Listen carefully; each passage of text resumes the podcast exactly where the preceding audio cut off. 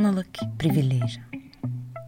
Je hoorde deze woorden wellicht al eerder. In feministisch gedachtegoed staat centraal dat mannen historisch gezien, maar ook vandaag nog, bepaalde voordelen genieten tegenover vrouwen. De Australische filosoof Kate Mann wijdt haar academische carrière aan onderzoek naar misogynie en de vraag waarom patriarchale structuren zo hardnekkig zijn. Haar laatste boek, dat in 2020 ook in het Nederlands verscheen onder de titel Man en Macht, gaat over een moeilijk te vertalen begrip dat volgens haar centraal staat in oneerlijke genderverhoudingen, mannelijk entitlement. In het Nederlands is dat zoiets als het gevoel van recht hebben op, of het gevoel dat je iets bepaald toekomt, dat je iets rechtmatig kan claimen.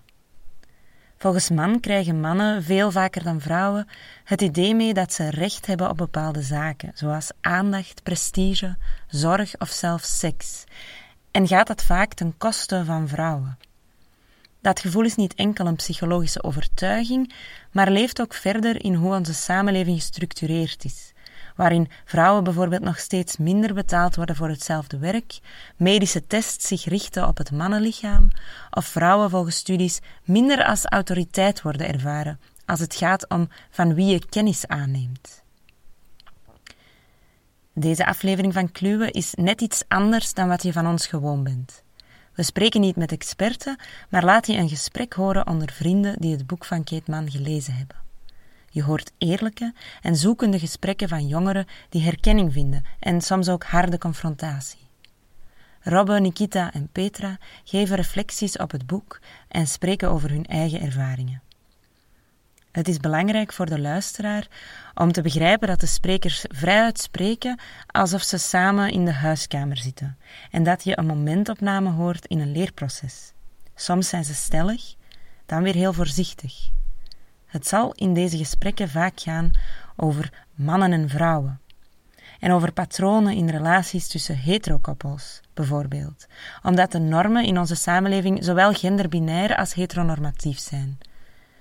Er wordt dus met deze begrippen gedoeld op de sociale rollen die op dit moment de norm zijn in onze samenleving en niet op een normatief ideaal of een noodzakelijke realiteit. De auteur van het besproken boek klaagt deze normen juist aan als deel van het probleem en wil de interne logica van patriarchale structuren duiden. Dit is aflevering 1 van een tweedelige reeks. De muziek die je hoort is van Robbe Embrechts, die bovendien gasteditor was voor deze aflevering. En het beeld is van de hand van Nikita Oeje. Veel luisterplezier. Nobody knows this stuff better than me. Wel, ik ben opnieuw manifest aan het liegen. Hè. Ik ben dus niet in verdenking gesteld. Ik ben absoluut niet in wel, verdenking gesteld. U bent wel in verdenking gesteld. Dat is niet waar. hè. Ik heb dat vandaag ook gelezen op jullie... in verdenking gesteld. Ik heb dat vandaag ook gelezen op jullie... nothing to apologize. Ik krijg daar niet actually voor. a modest person. met excuses vermeld op de The most u despicable thing I have in seen in my time in politics. hebben zich daar niet voor I geëxcuseerd. would Dat zijn never do to them die what mij you've done this beschamen. guy. This is the most unethical sham. normaal iets zeggen, of niet? Profileren? This is not a job. I cannot imagine This is what hell. you and your family interview go with a person as badly motivated y'all as you as an God, I interviewer. hope So I think we're done here. I appreciate your time. All right. Thank right. you so Well, thank you for your time and uh, for showing that anger is not part of American political discourse. Now, Mr. Shapiro, we'll say goodbye. The truth is, I'm actually. Welkom bij deze podcast. Hallo, welkom bij onze podcast. Mijn naam is Nikita. Eh, ik ben afkomstig uit België, ben 23 jaar en ik identificeer mezelf als eh, cisgender en eh, ben heteroseksueel. Dag beste luisteraars, ik ben Petra, ik ben 20 jaar, ik studeer filosofie aan de Universiteit van Antwerpen. Ehm, ik ben een vrouw, ik identificeer mezelf met de pronouns she en her. Ja, ik ben heteroseksueel, Ehm, dus dat betekent dat ik enkel relaties heb gehad eh, met mannen. Maar ik heb nog niet echt ehm, de volledige rijkwijde van mijn seksualiteit ehm, op de proef gesteld, laten we het zo zeggen. Ja, ik ben altijd heel geïnteresseerd geweest in hoe dat mensen met elkaar in relatie staan en de verschillende verhoudingen die daaruit komen. Ik, ben zelf, eh, ik ben zelf wit, eh, van Europese afkomst, eh, Belgische moeder en Albanese vader. Ehm, Maar desondanks ben ik altijd van um, mening geweest dat we iedereen op dezelfde manier moeten behandelen. Um, en ik hoop dat we uit deze gesprekken toch voor mezelf uh, wat meer kan bijleren over waar eigenlijk mijn white privilege nog verder in leeft en waar ik zelf moet uh, opletten. Waar dat ik moet zien dat ik het uh, systeem niet verder doordrijf. Dank wel voor te luisteren en ik hoop dat het interessant is. Hallo, ik ben Robbe. Ik ben een 20-jarige student uit Antwerpen. Ik ben een witte cisgender man. De gesprekken die we hebben gehad tijdens de podcast of naar aanleiding ervan, die waren altijd heel intens, heel betrokken, eerlijk en leerrijk. En ik hoop dat jullie die energie ook wat mee kunnen krijgen. We gaan in deze podcast in verschillende afleveringen het boek Entitled van Kate Mann bespreken, er dieper op ingaan, op de verschillende thema's wat verder bouwen. De ondertitel van het boek is How Male Privilege Hurts Women. En dat, dat vat het eigenlijk wel goed samen. Want Kate Mann analyseert in haar boek wat die male privilege dan inhoudt. Op welke manier um, ja, wordt dat in stand gehouden? Op welke manier is de man precies geprivilegeerd? Op welke manier wordt het ingevuld in ons ja. dagdagelijkse leven? Ja. En dat gaat, zij analyseert dat als een uh, entitlement die de man heeft. En uh, de man is vaak degene die het gevoel heeft dat hij recht heeft op van alles. Op uh, zorg, liefde, seks, medische zorg, um, huishoudelijke hulp.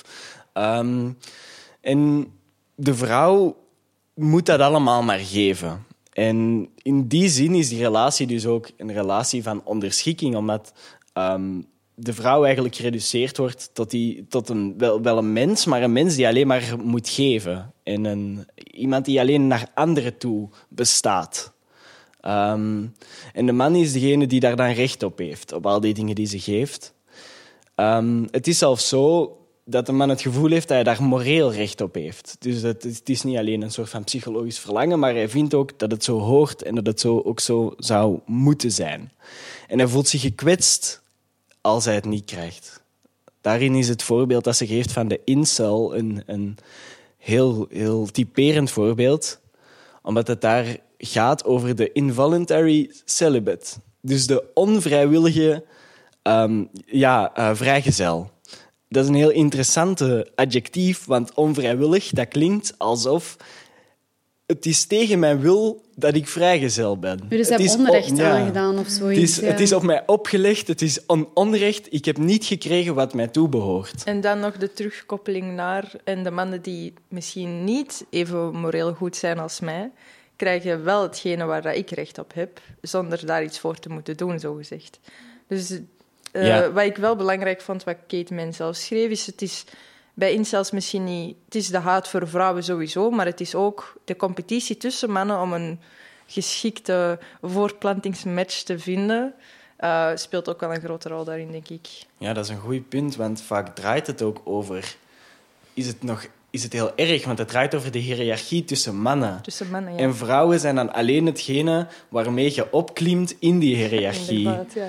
Een soort bezit of zo. Ja, ja. Zo, inderdaad van ha, die, die hogere status bezitten meer liefde en aandacht van vrouwen. Mm -hmm. En om daar te geraken, moet ik die goederen of zo ook toegekend krijgen.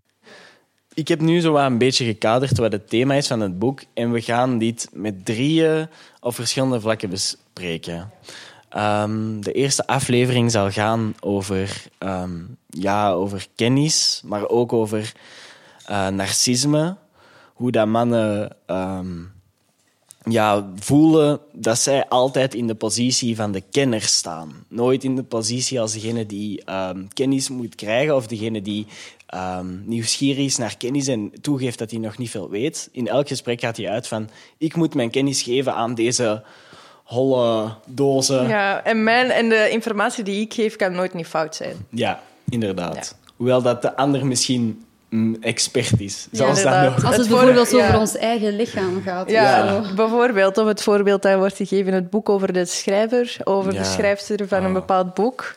Uh, dat vond ik ook een heel goed voorbeeld daarvan. Ja, heel Vooral ook hoe dat die man, als hij dan geconfronteerd wordt met het feit dat, ze, dat hij tegenover de schrijfster staat over wie hij zo ehm wou stoeven van ja. ik ken deze schrijfster, dat je dan toch het volgende moment overgaat om op een andere manier Ja. nog steeds een soort van... Te doen alsof dat hij het beter weet dan de auteur van het Dan boek. Ja. auteur zelf. En dit gaat ook terugkomen in de tweede aflevering de, over, ehm, over domestic labor. Ehm, waar dat de man eh, ja, eigenlijk niet ziet al het onzichtbare werk dat gebeurt in het huishouden en ook zich entitled voelt, recht heeft op het feit dat hij gewoon ehm, ja, zich kan focussen op het werk en dat al de rest gebeurt. Of dat hij de ruimte moet krijgen voor vrije tijd en dat al de rest maar moet gebeuren of zo. Dus hij kan doen in zijn leven de job uitoefenen die hij wilt en de Ja. hobby's uitoefenen die hij wilt en dan tegelijkertijd toch een soort van een gezin hebben waar hij dan s'avonds naar thuis kan komen terwijl de vrouw die helemaal in stand houdt. En het ding is ook dat als ik dan kijk naar het, naar het beeld dat mensen hebben van huis, bijvoorbeeld bij een vrouw, zal dat meer zijn van een huis, daar moet ik koken, kuisen, was doen. Bij een man gaat dat misschien aan zijn, ik kan daar naartoe gaan voor mijn ontspanning uit te ja, voeren. inderdaad. Ehm, dus zelfs hoe dat, ja, hoe dat de invulling van een huis kan bepaald worden, wordt beïnvloed door die vorm van entitlement. Super, dan, dan zullen we eens van start gaan Dan met het de- thema van eh, deze aflevering. Overgang, overgang. We gaan het hebben over de man die voelt dat hij gerechtigd is om in de kennispositie te staan.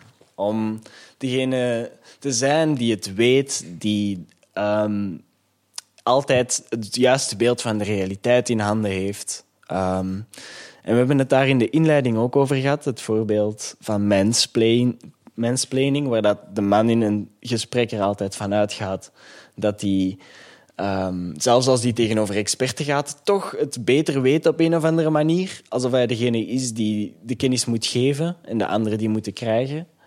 Ehm, maar ik zou dieper willen ingaan op het fenomeen van eh, gaslighting. En dat is een veel extremere vorm van ja, die epistemologische eh, entitlement, die echt gaat over het beeld dat de ander heeft, ja, de vrouw heeft van de, van de realiteit En van zichzelf. en van, ja, en van zichzelf zo gaan ondermijnen dat hij begint te twijfelen aan, zijn, aan, aan haar eigen waarheid, aan haar eigen ehm, percepties, aan haar eigen ehm, Sanity. ja, Aan haar gezondheid, eigen, ja, aan haar eigen en gezondheid. haar geestelijke gezondheid. En ja, het, het, het moeilijke daaraan is, is dat vaak de man dat doet om ja, de vrouw in een soort van totaal onmachtige, hopeloze positie te zetten. Onderdanig Ja, te houden echt. ook, On- macht ja. uit te oefenen om zo te doen wat hij vraagt Ja. eigenlijk. Ja. En het halen uit een, uit een concrete realiteit die waar is, Klopt, ja. zorgt voor, voor standvastigheid. Maar vanaf dat je die bodem inderdaad weghaalt, is het heel Ja. moeilijk om te blijven geloven van wat ik zeg is wel degelijk waar. Ja, alsof hij dan de enige is die, die wel ziet hoe het echt is. Ja. Zo, ja, inderdaad. Ja, want dan, dan moet zij ook aan hem vastklampen Mhm. voor de realiteit. Als zij zo hard begint te twijfelen aan zichzelf en aan haar eigen perceptie, moet zij zoveel geloof hechten aan de perceptie van die man, Van die man, als ja. haar enige gronding. Terwijl die man net die perceptie heeft ondermijnd en het vervolgens ook onmogelijk maakt om de perceptie van die man eigenlijk onderuit te halen. Mhm. Of in de zin van, het is bijna... Ja, het wordt bijna een zonde of een soort van morele fout om de perceptie van die man in vraag, te gaan stellen. ja. Ik heb daar ook nog echt een goed voorbeeld van. Ja, Mag ik dat vertel. zeggen? Ja, zeker, vertel. Eh, ik, ik ken een vrouw en die was getrouwd met een pathologische leugenaar. Ehm, en ze zei, ik kwam ooit eens op een receptiefeestje bij hem en, en mensen vroegen van, ja, hoe is het met uw advocatenbureau en zo. En die man, haar man had dus gelogen over het feit waar zij werkte. Dus mensen op zijn werk dachten van, die werkt bij een, kan, allee, bij een advocatenkantoor, heel prestigieus, bla bla bla. Mevrouw werkt eigenlijk gewoon in een bakkerij waar niks mis mee is. Maar zij zei van, ik heb gewoon die leugen heel de avond lang doorgespeeld. In plaats van terug te komen op het feit van dit is mijn realiteit, ik mag dat niet door hem laten gemanipuleerd worden, springt zij mee in het verhaal omdat ze denkt ik moet mijn man beschermen van enige eerschade die dat er mogelijk kan oplopen door zijn... Dus ja, ze wil hem... Ze, wilt, ze, wilt ze, hem ze wou hem beschermen, ja. inderdaad. Ja, een oordeel van die man tegenover die vrouw dat ze niet goed Mhm, genoeg is. Dat ze niet goed genoeg is. En daar dan een leugen over vertellen die zij dan weer al moet gaan oplossen om u eer weer al niet te krenken, is gewoon die vicieuze cirkel die Ja, typerend is voor gaslighting ook. Ja, en ook voor andere entitlement. En voor andere entitlement, ja. die eer die ze dan niet mag krenken, gaat dan ook keihard over de man die dan gerechtigd is om ehm, ja, hoge posities te Mhm. bekleden en om in zijn eer gelaten te worden. Mhm. Wat je ook heel erg ziet als, als er bijvoorbeeld beschuldigingen van seksueel misbruik Ja. komen. Want ik, ik vind dat een goede overgang naar het concept himpathy of zo. Omdat die vrouw zelf wou dan, had dan empathie met die man en die ging dan meespelen in dat verhaal om die man niet, niet pijn te doen. En Empathie gaat eigenlijk over een soort van disproportioneel eh, empathisch zijn met eigenlijk de daders van, ja, of degene die fout gedrag stellen. Ehm, ja, bij seksueel misbruik is dat heel duidelijk. Daar, daar gaat het echt over daarvan. Och, arme, jullie beschadigen zijn reputatie. Met deze beschuldigingen willen jullie hem door het, door het slijk halen. Waarom doen jullie dit? Waarom liegen jullie? Ja, in het boek wordt dan eh, het voorbeeld gegeven van Brad Kavanaugh, denk ik dat hij heet. eh, waar hij inderdaad gesteund werd door zijn eigen vrouw. Ergens begrijpelijk, maar anderzijds ja, kan hij zulke fouten hebben begaan, zeg maar, in zijn studententijd. Maar anderzijds werd hij ook gesteund door eh, andere vrouwelijke politici. Dus eh, Maar ja, dat- dat, ik is wel heel... ja. Ik vind dat heel bizar. Want je zou toch moeten opkomen. Ja, maar dat is het u- hele ding van vrouwen en de glass ceiling. Vrouwen houden dat mee in stand door juist het feit dat ze gebrainwashed worden en gegaslight worden. Allee, ik denk niet dat, dat een vrouw puur tegen feministische dingen is omdat ze wordt gegaslight. Kan ook wel uit haar eigen intenties zijn, maar ik denk dat ja, hoe dat je inderdaad bent opgevoed en welke ideeën dat je in je hoofd krijgt, heel belangrijk is. En als je leert van ja, vrouwen hebben niet minder, dus je moet blij zijn met wat je hebt, ja, dan gaat je andere vrouwen niet helpen om uit situaties te geraken. Ja, want zo. ehm Kavanaugh was dan inderdaad, dat is een, een republikein. Dus die zijn sowieso al een beetje conservatiever in al die ideeën. Dus die hebben waarschijnlijk ook zo nog een heel conservatief gezinsbeeld waar Ja. een vrouw een bepaalde positie in bekleedt en de man meer de broodwinner is. En de, ja, Ja. het hoofd van de familie, zeg maar. Dus dat zal ook wel meespelen.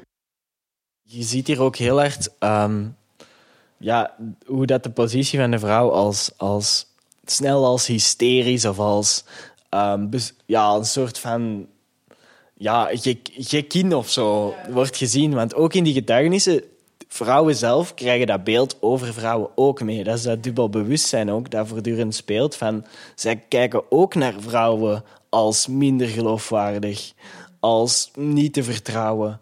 En dat, dus al die genderrollen en, en verwachtingen zitten ook even goed in vrouwen. En ik denk dat dat daarom ook misschien te maken heeft waarom bijvoorbeeld de, de omgang eh, waar jij het over had, Nikita, tussen vrouwen, dat die ook bemoeilijkt wordt daardoor. Of dat je snel jaloers wordt, omdat je heel erg het beeld hebt meegekregen van ja, die zijn niet te vertrouwen of die... ehm, ja, ik weet het niet precies. Wat ik, dan, wat ik dan heel vaak meemaakte, is dat ik dus eh, heel veel jongensvrienden had. En eh, sommigen onder hen hadden dan een relatie. En ik trok dan natuurlijk heel veel eh, met hun op, middags en tijdens de schoolpauzes of zelfs na school ging ik bij hen thuis op bezoek. En inderdaad, die vriendinnen vertrouwden mij vaak niet, omdat die zo het idee hadden... Die gaat mijn Dat jij vriend die- ja. afpakken. Maar dat is ook dan kijken naar hoe, als je vroeger high society waart, werd jij echt voorgesteld aan iedereen. En was het het ding van, oké, je moet zoveel mogelijk suitors vinden. Dus het is ook echt wel een competitie tussen vrouwen om de meest geschikte man te vinden. En ehm, het hele ding van marriage is het, de enigste uiteindelijke punt waar je naartoe moet werken, is dan vrouwen werden enkel opgeleid voor dat deel, om te trouwen en om competitie met elkaar uit te voeren, om te kunnen trouwen met de beste persoon, met Ja. het meeste geld en de juiste titel en zo. Dus, en ik merk dat zelf ook, dat ik merk als ik vind van, oh, dat meisje is heel mooi, en ik merk van ah, de persoon die ik leuk vind is in dezelfde kamer, ik ga mij automatisch ergens threatened voelen en ergens denken van zij is hier om, om dat te proberen af te pakken of zo. Snap je? Om beter te zijn dan mij. Ik, ik moet zeggen, vroeger had ik dat gevoel ook wel echt zo in mijn tienerjaren, Mm. maar... Ja, nu is dat veel ja, minder, dat is sowieso. minder. Want nu heb, je- heb ik zo meer de gedachte van, oké, zij is mooi en zij is waarschijnlijk mooier dan mij. Maar hij zal het dan toch van mijn, mijn, mijn, eh, Charmes mijn moeten charmes hebben. moeten Ja. hebben en mijn andere kwaliteiten Ja, die ik ja, bezit. En als hij die niet interessant genoeg vindt, dan zijn we misschien niet meant to be of zo. Ja, sowieso, ja. sowieso. Maar ik, ik denk dat dat wel zo het gedachtegoed is waar dan nog heel veel meisjes in opgroeien. Van, je moet de mooiste zijn en je moet de liefste zijn. En voor het hele ding om die positie te kunnen bemachtigen. En ik denk dat daar inderdaad een heel groot ja, probleem vormt voor de verdere emancipatie van iedereen. Omdat daar keihard ook wordt op ingespeeld door reclame, door bijvoorbeeld social media. Vrouwen worden altijd heel onderdanig afgebeeld. Eh, het gaat altijd over make-up, over eh, de allernieuwste ehm eh, dagcrème die, die uw En ze worden alleen maar verdwijnen. gefeliciteerd als ze zwanger zijn of als Ja, ze klopt. verloofd zijn. Klopt, ja. Ehm, Ja. Ja, heel die competitie waar jullie het er juist over hadden, is eigenlijk ook gewoon om ja, elkaar te ondermijnen als groep of zo, waardoor je elkaar eigenlijk bij de grond houdt of zo. Mhm. Ja, maar dat, want meisjes zijn volgens mij expres gemeen tegen elkaar om hun eigen kansen te vergroten. Mhm. Waarom zou je anders... Maar dat is erg dat dat zo geconcipieerd wordt. Want waarom is het niet... Want bijvoorbeeld, het voorbeeld dat je er juist bent. Stel, je bent er met je vriend en er is een ander knap meisje. Waarom is dat dan een competitie tussen die twee? En is dat niet zo van... Allee, alsof de man gewoon zo zich elk moment kan loskoppelen en gewoon voor het ander kan gaan als hij zich beter laat zien dan u. Omdat dat ook wel Dat is zo zo- vaak het geval is. Ja, ja dat, inderdaad. Dat is ook zeker, dat, dat is, dat waar. ik denk dat dat... ehm, en dat is misschien een fout bij beide, bij beide eh, kanten dan, bij de man en de vrouw. Of niet bij beide Nee, kanten, maar... ja, ehm, denk- Gewoon het ding is inderdaad van... ehm, vrouwen denken inderdaad zo, omdat het wel degelijk is... dat mannen soms van de hek op de tak kunnen springen. Maar ik denk ook door het feit dat vrouwen zich zo gedragen tegenover relaties... en tegenover ja, het inpikken van mannen en zo van die dingen... dat dat inderdaad wordt ja, bevestigd. Dat je gedrag wordt bevestigd. Van, ja, van, ah, ik heb, die Maar- vrouwen vechten sowieso onder elkaar voor aandacht van mannen. Dus dan mag ik daar sowieso toch Ja, ook van beide kanten ergens van ja, mee profiteren. Dan. En dat houdt eigenlijk zo die ja, foute houding van mannen ook in stand. Mhm. En van vrouwen ook, en van vrouwen ook. Maar zo het feit dat die... Mogen kiezen. Ja, mogen, Mhm. precies mogen Kies maar kiezen. één van onze Ja. twee. We zullen ons op ons best Ja. mogelijke manier opstellen.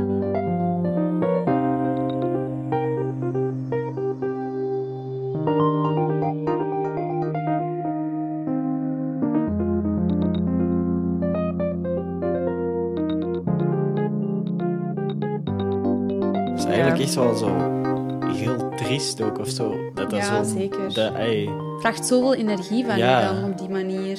En dat je gewoon met de mensen die dan tot diezelfde groep behoren, dat je door de, de, de verwachtingen die er zijn en de, en de dingen die je geïnternaliseerd hebt, dat die omgang eigenlijk zo heel zwaar gesaboteerd wordt. Zelfs Waar- voordat ja. er interactie is. Waardoor dat de man opnieuw de, waardoor ma- mannen meer ruimte krijgen en zo zich veel sterker kunnen opstellen en, en hun verhouding kunnen blijven aannemen of zo. Om, ja, door die zelfsabotage bijna. Maar dat is, ja. Terwijl het jammer is, we zijn uiteindelijk... Sorry Robbe, als vrouwen zijn we dan allemaal toch hetzelfde. En we willen, denk ik, allemaal gelijkheid. En toch saboteren we onszelf inderdaad op een manier om dat te bereiken. Ja, ik denk, ik denk dat daar inderdaad wel een nuance is. Niet iedere vrouw wil gelijkheid. Eh, Dat denk ik toch niet.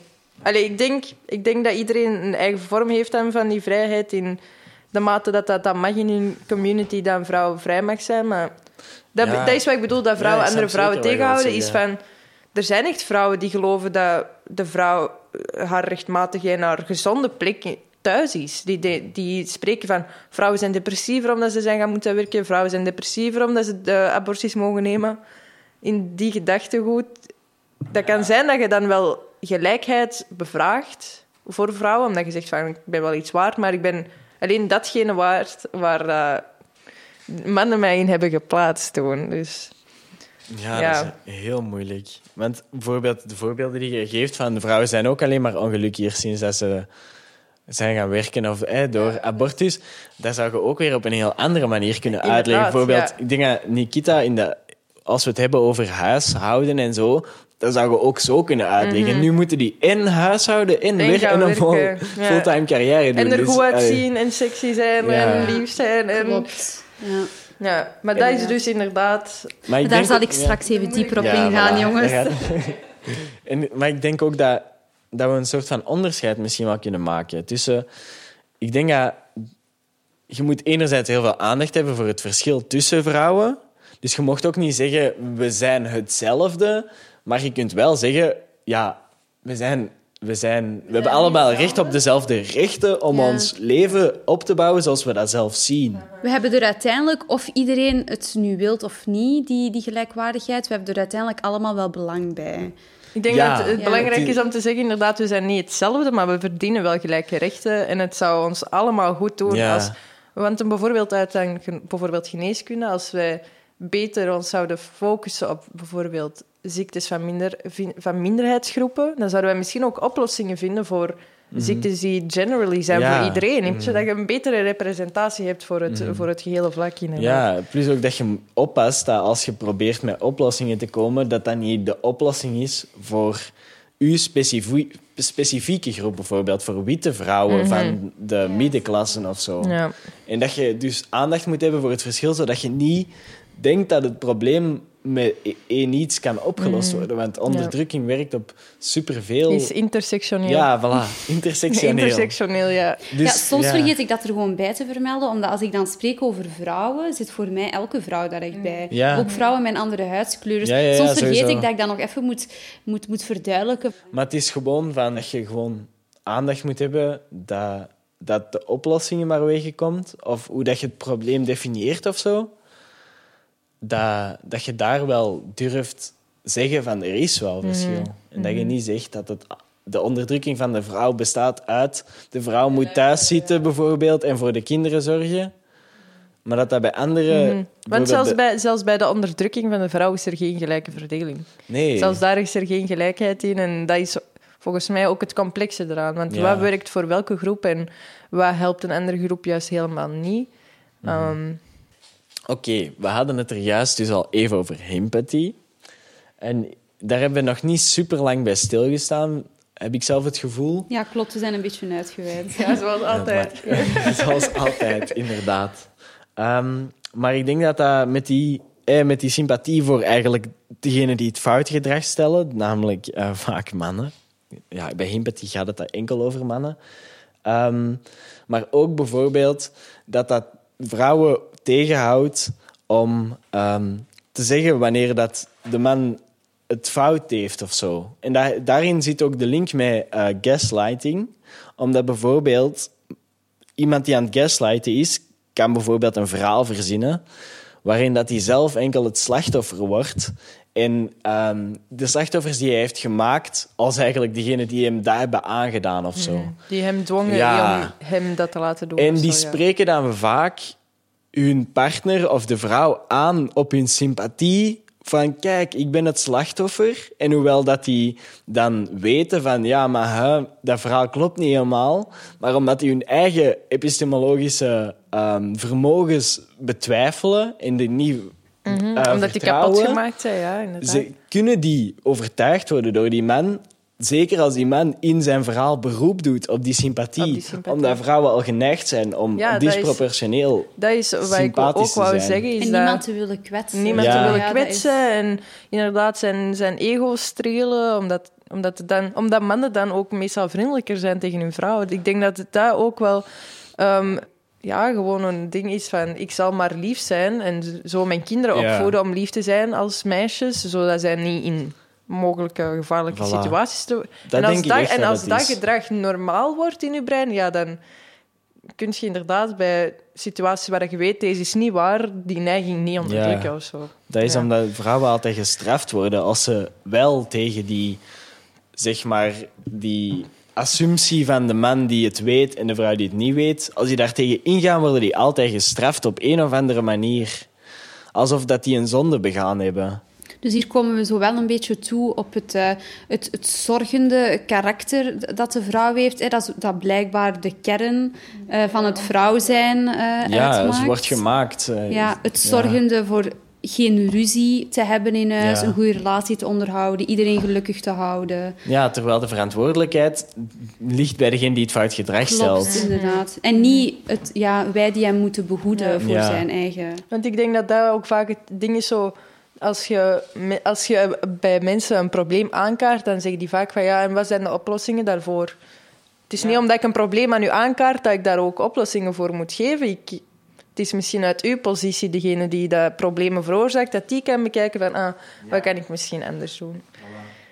Maar het is vaak dat mensen die geen problemen zien ook niet in actie schieten, omdat ze geen problemen zien. Ja. Dus Dat is inderdaad... Ja, dat is dan de moeilijkheid De, de rol van on, onwetendheid, Ja, denk ik want ook. communicatie is belangrijk, maar als er niet wordt geluisterd naar wat er gezegd wordt, dan maakt communicatie ook niet uit. Dus. Vaak is communicatie dan ook nog eens zo'n extra moeite en werk dat je moet ondernemen om dat duidelijk te maken aan de ander dat snel de overweging is van goh, het is makkelijker als ik het gewoon doe. Ja. Of als ik het gewoon doorsta. Ja. Want dan, anders moet ik en het doorstaan, want het gaat waarschijnlijk niet snel veranderen, en nog eens al die moeite doen om, om, Om daar tegen te om, dat, vechten, ja. om, daar tegen te, aan te om dat aan te kaarten en dan ook nog eens met oplossingen komen. Ja. Want ja, die moeite doen... Die moeite doen is... Ja. Ja, dat kun je ook niet. perfect toepassen op die domestic Ja. labor. Dat, waarom dat, wat je dan vaak hoort van vrouwen, ja, maar ik zal het wel even eh, zelf snel doen, want anders Ja. moet ik dat nog eenmaal uitleggen, of is het niet goed gedaan, en moet ik het nadien toch terug Ja. doen.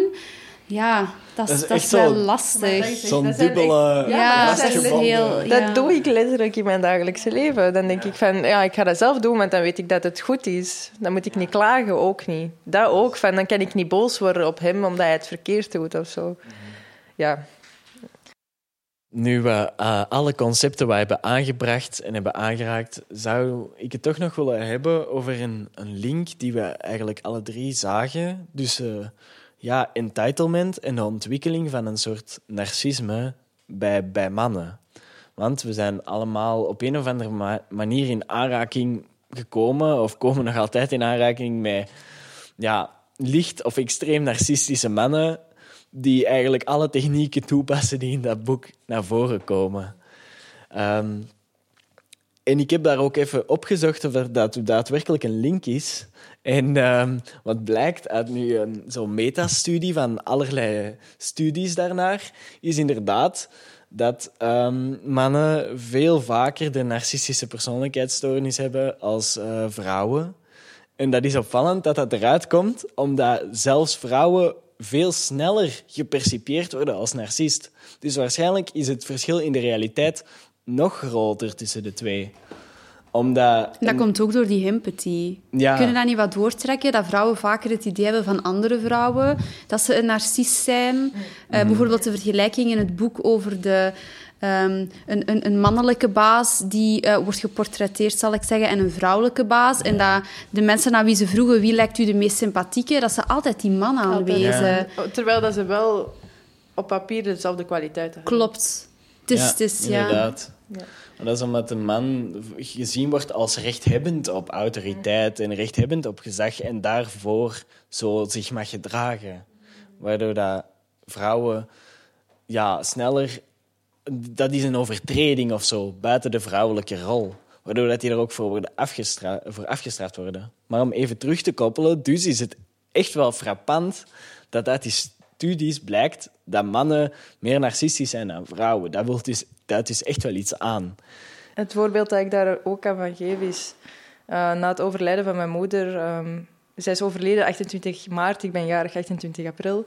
En ik kan herinneren dat mijn vader ook... ehm, ik heb ook geen goede band met hem of zo, lang ook niet gesproken. En eh, dat hij zijn cadeau kwam afgeven. Dus ik had hem ook al zo drie maanden niet gesproken. Mijn moeder is ondertussen overleden. En het ding is wat hij zegt ook... Hij zegt eerst van...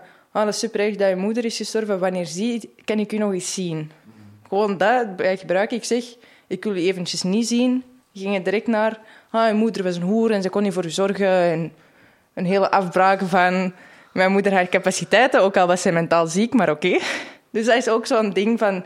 Ah, ik kom je wel een cadeautje brengen en ik ga een goede vader proberen te zijn voor u. Maar vanaf dat je nee zegt tegen mij...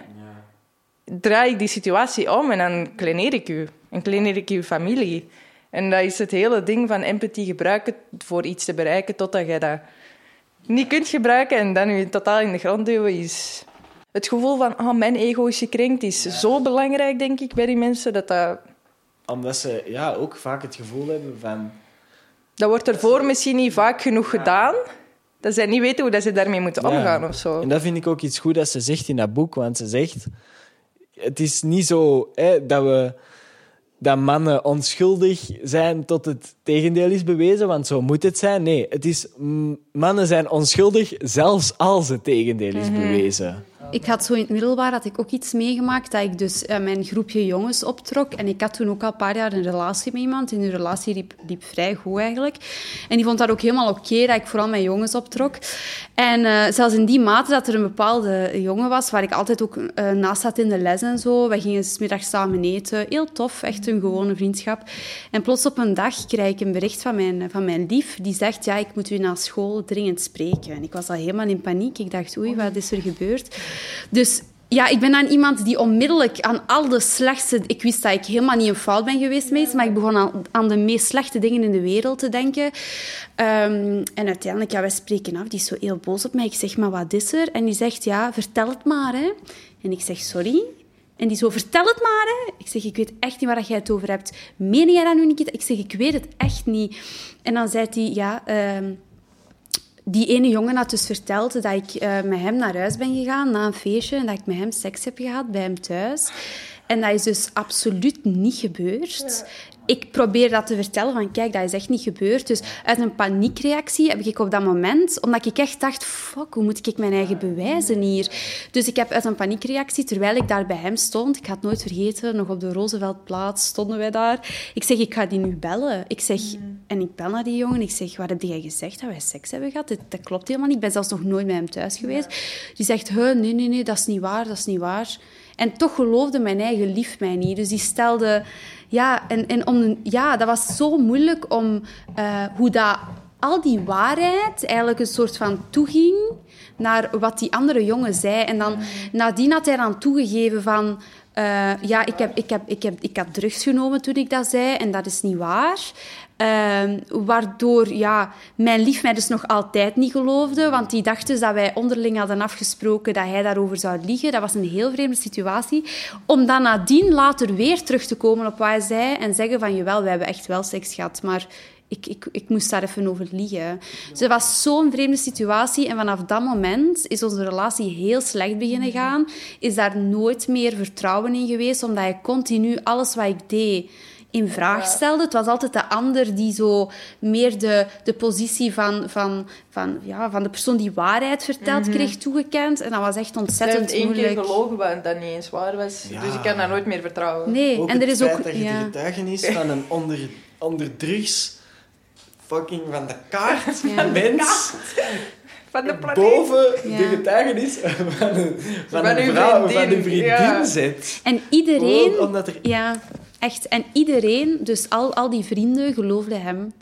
Ja, dat was echt heel, eh, dat was heel erg. Ja. Ja, dat toont echt eh, ergens van alles wat we net hebben Ja, besproken. ja. en nu.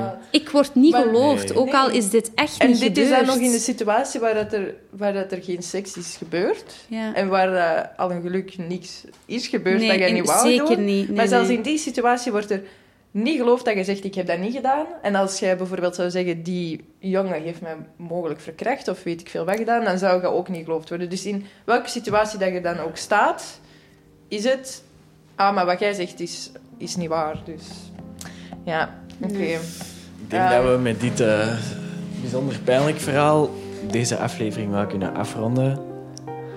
En Ja. eh, in de volgende aflevering zullen we het hebben over... ehm, doet de man überhaupt iets thuis? Een veel fijner onderwerp. Een ja heel hoor. fijn onderwerp. Het antwoord is nee. Nee. nee.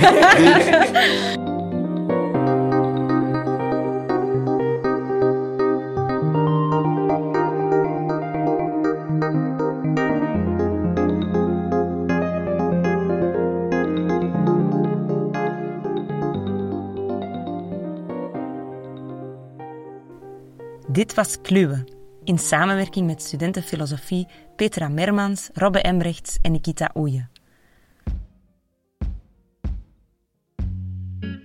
Je hoorde aflevering 1 van een tweedelige reeks.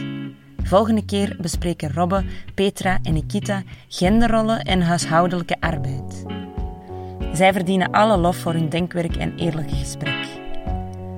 Robbe maakte bovendien de muziek en was gasteditor voor deze aflevering. En het beeld is van de hand van Nikita. We danken bovendien Petra van Brabant, die in het vak Feministische Filosofie aan de Universiteit Antwerpen de omkadering en aanleiding gaf voor het maken van deze podcast.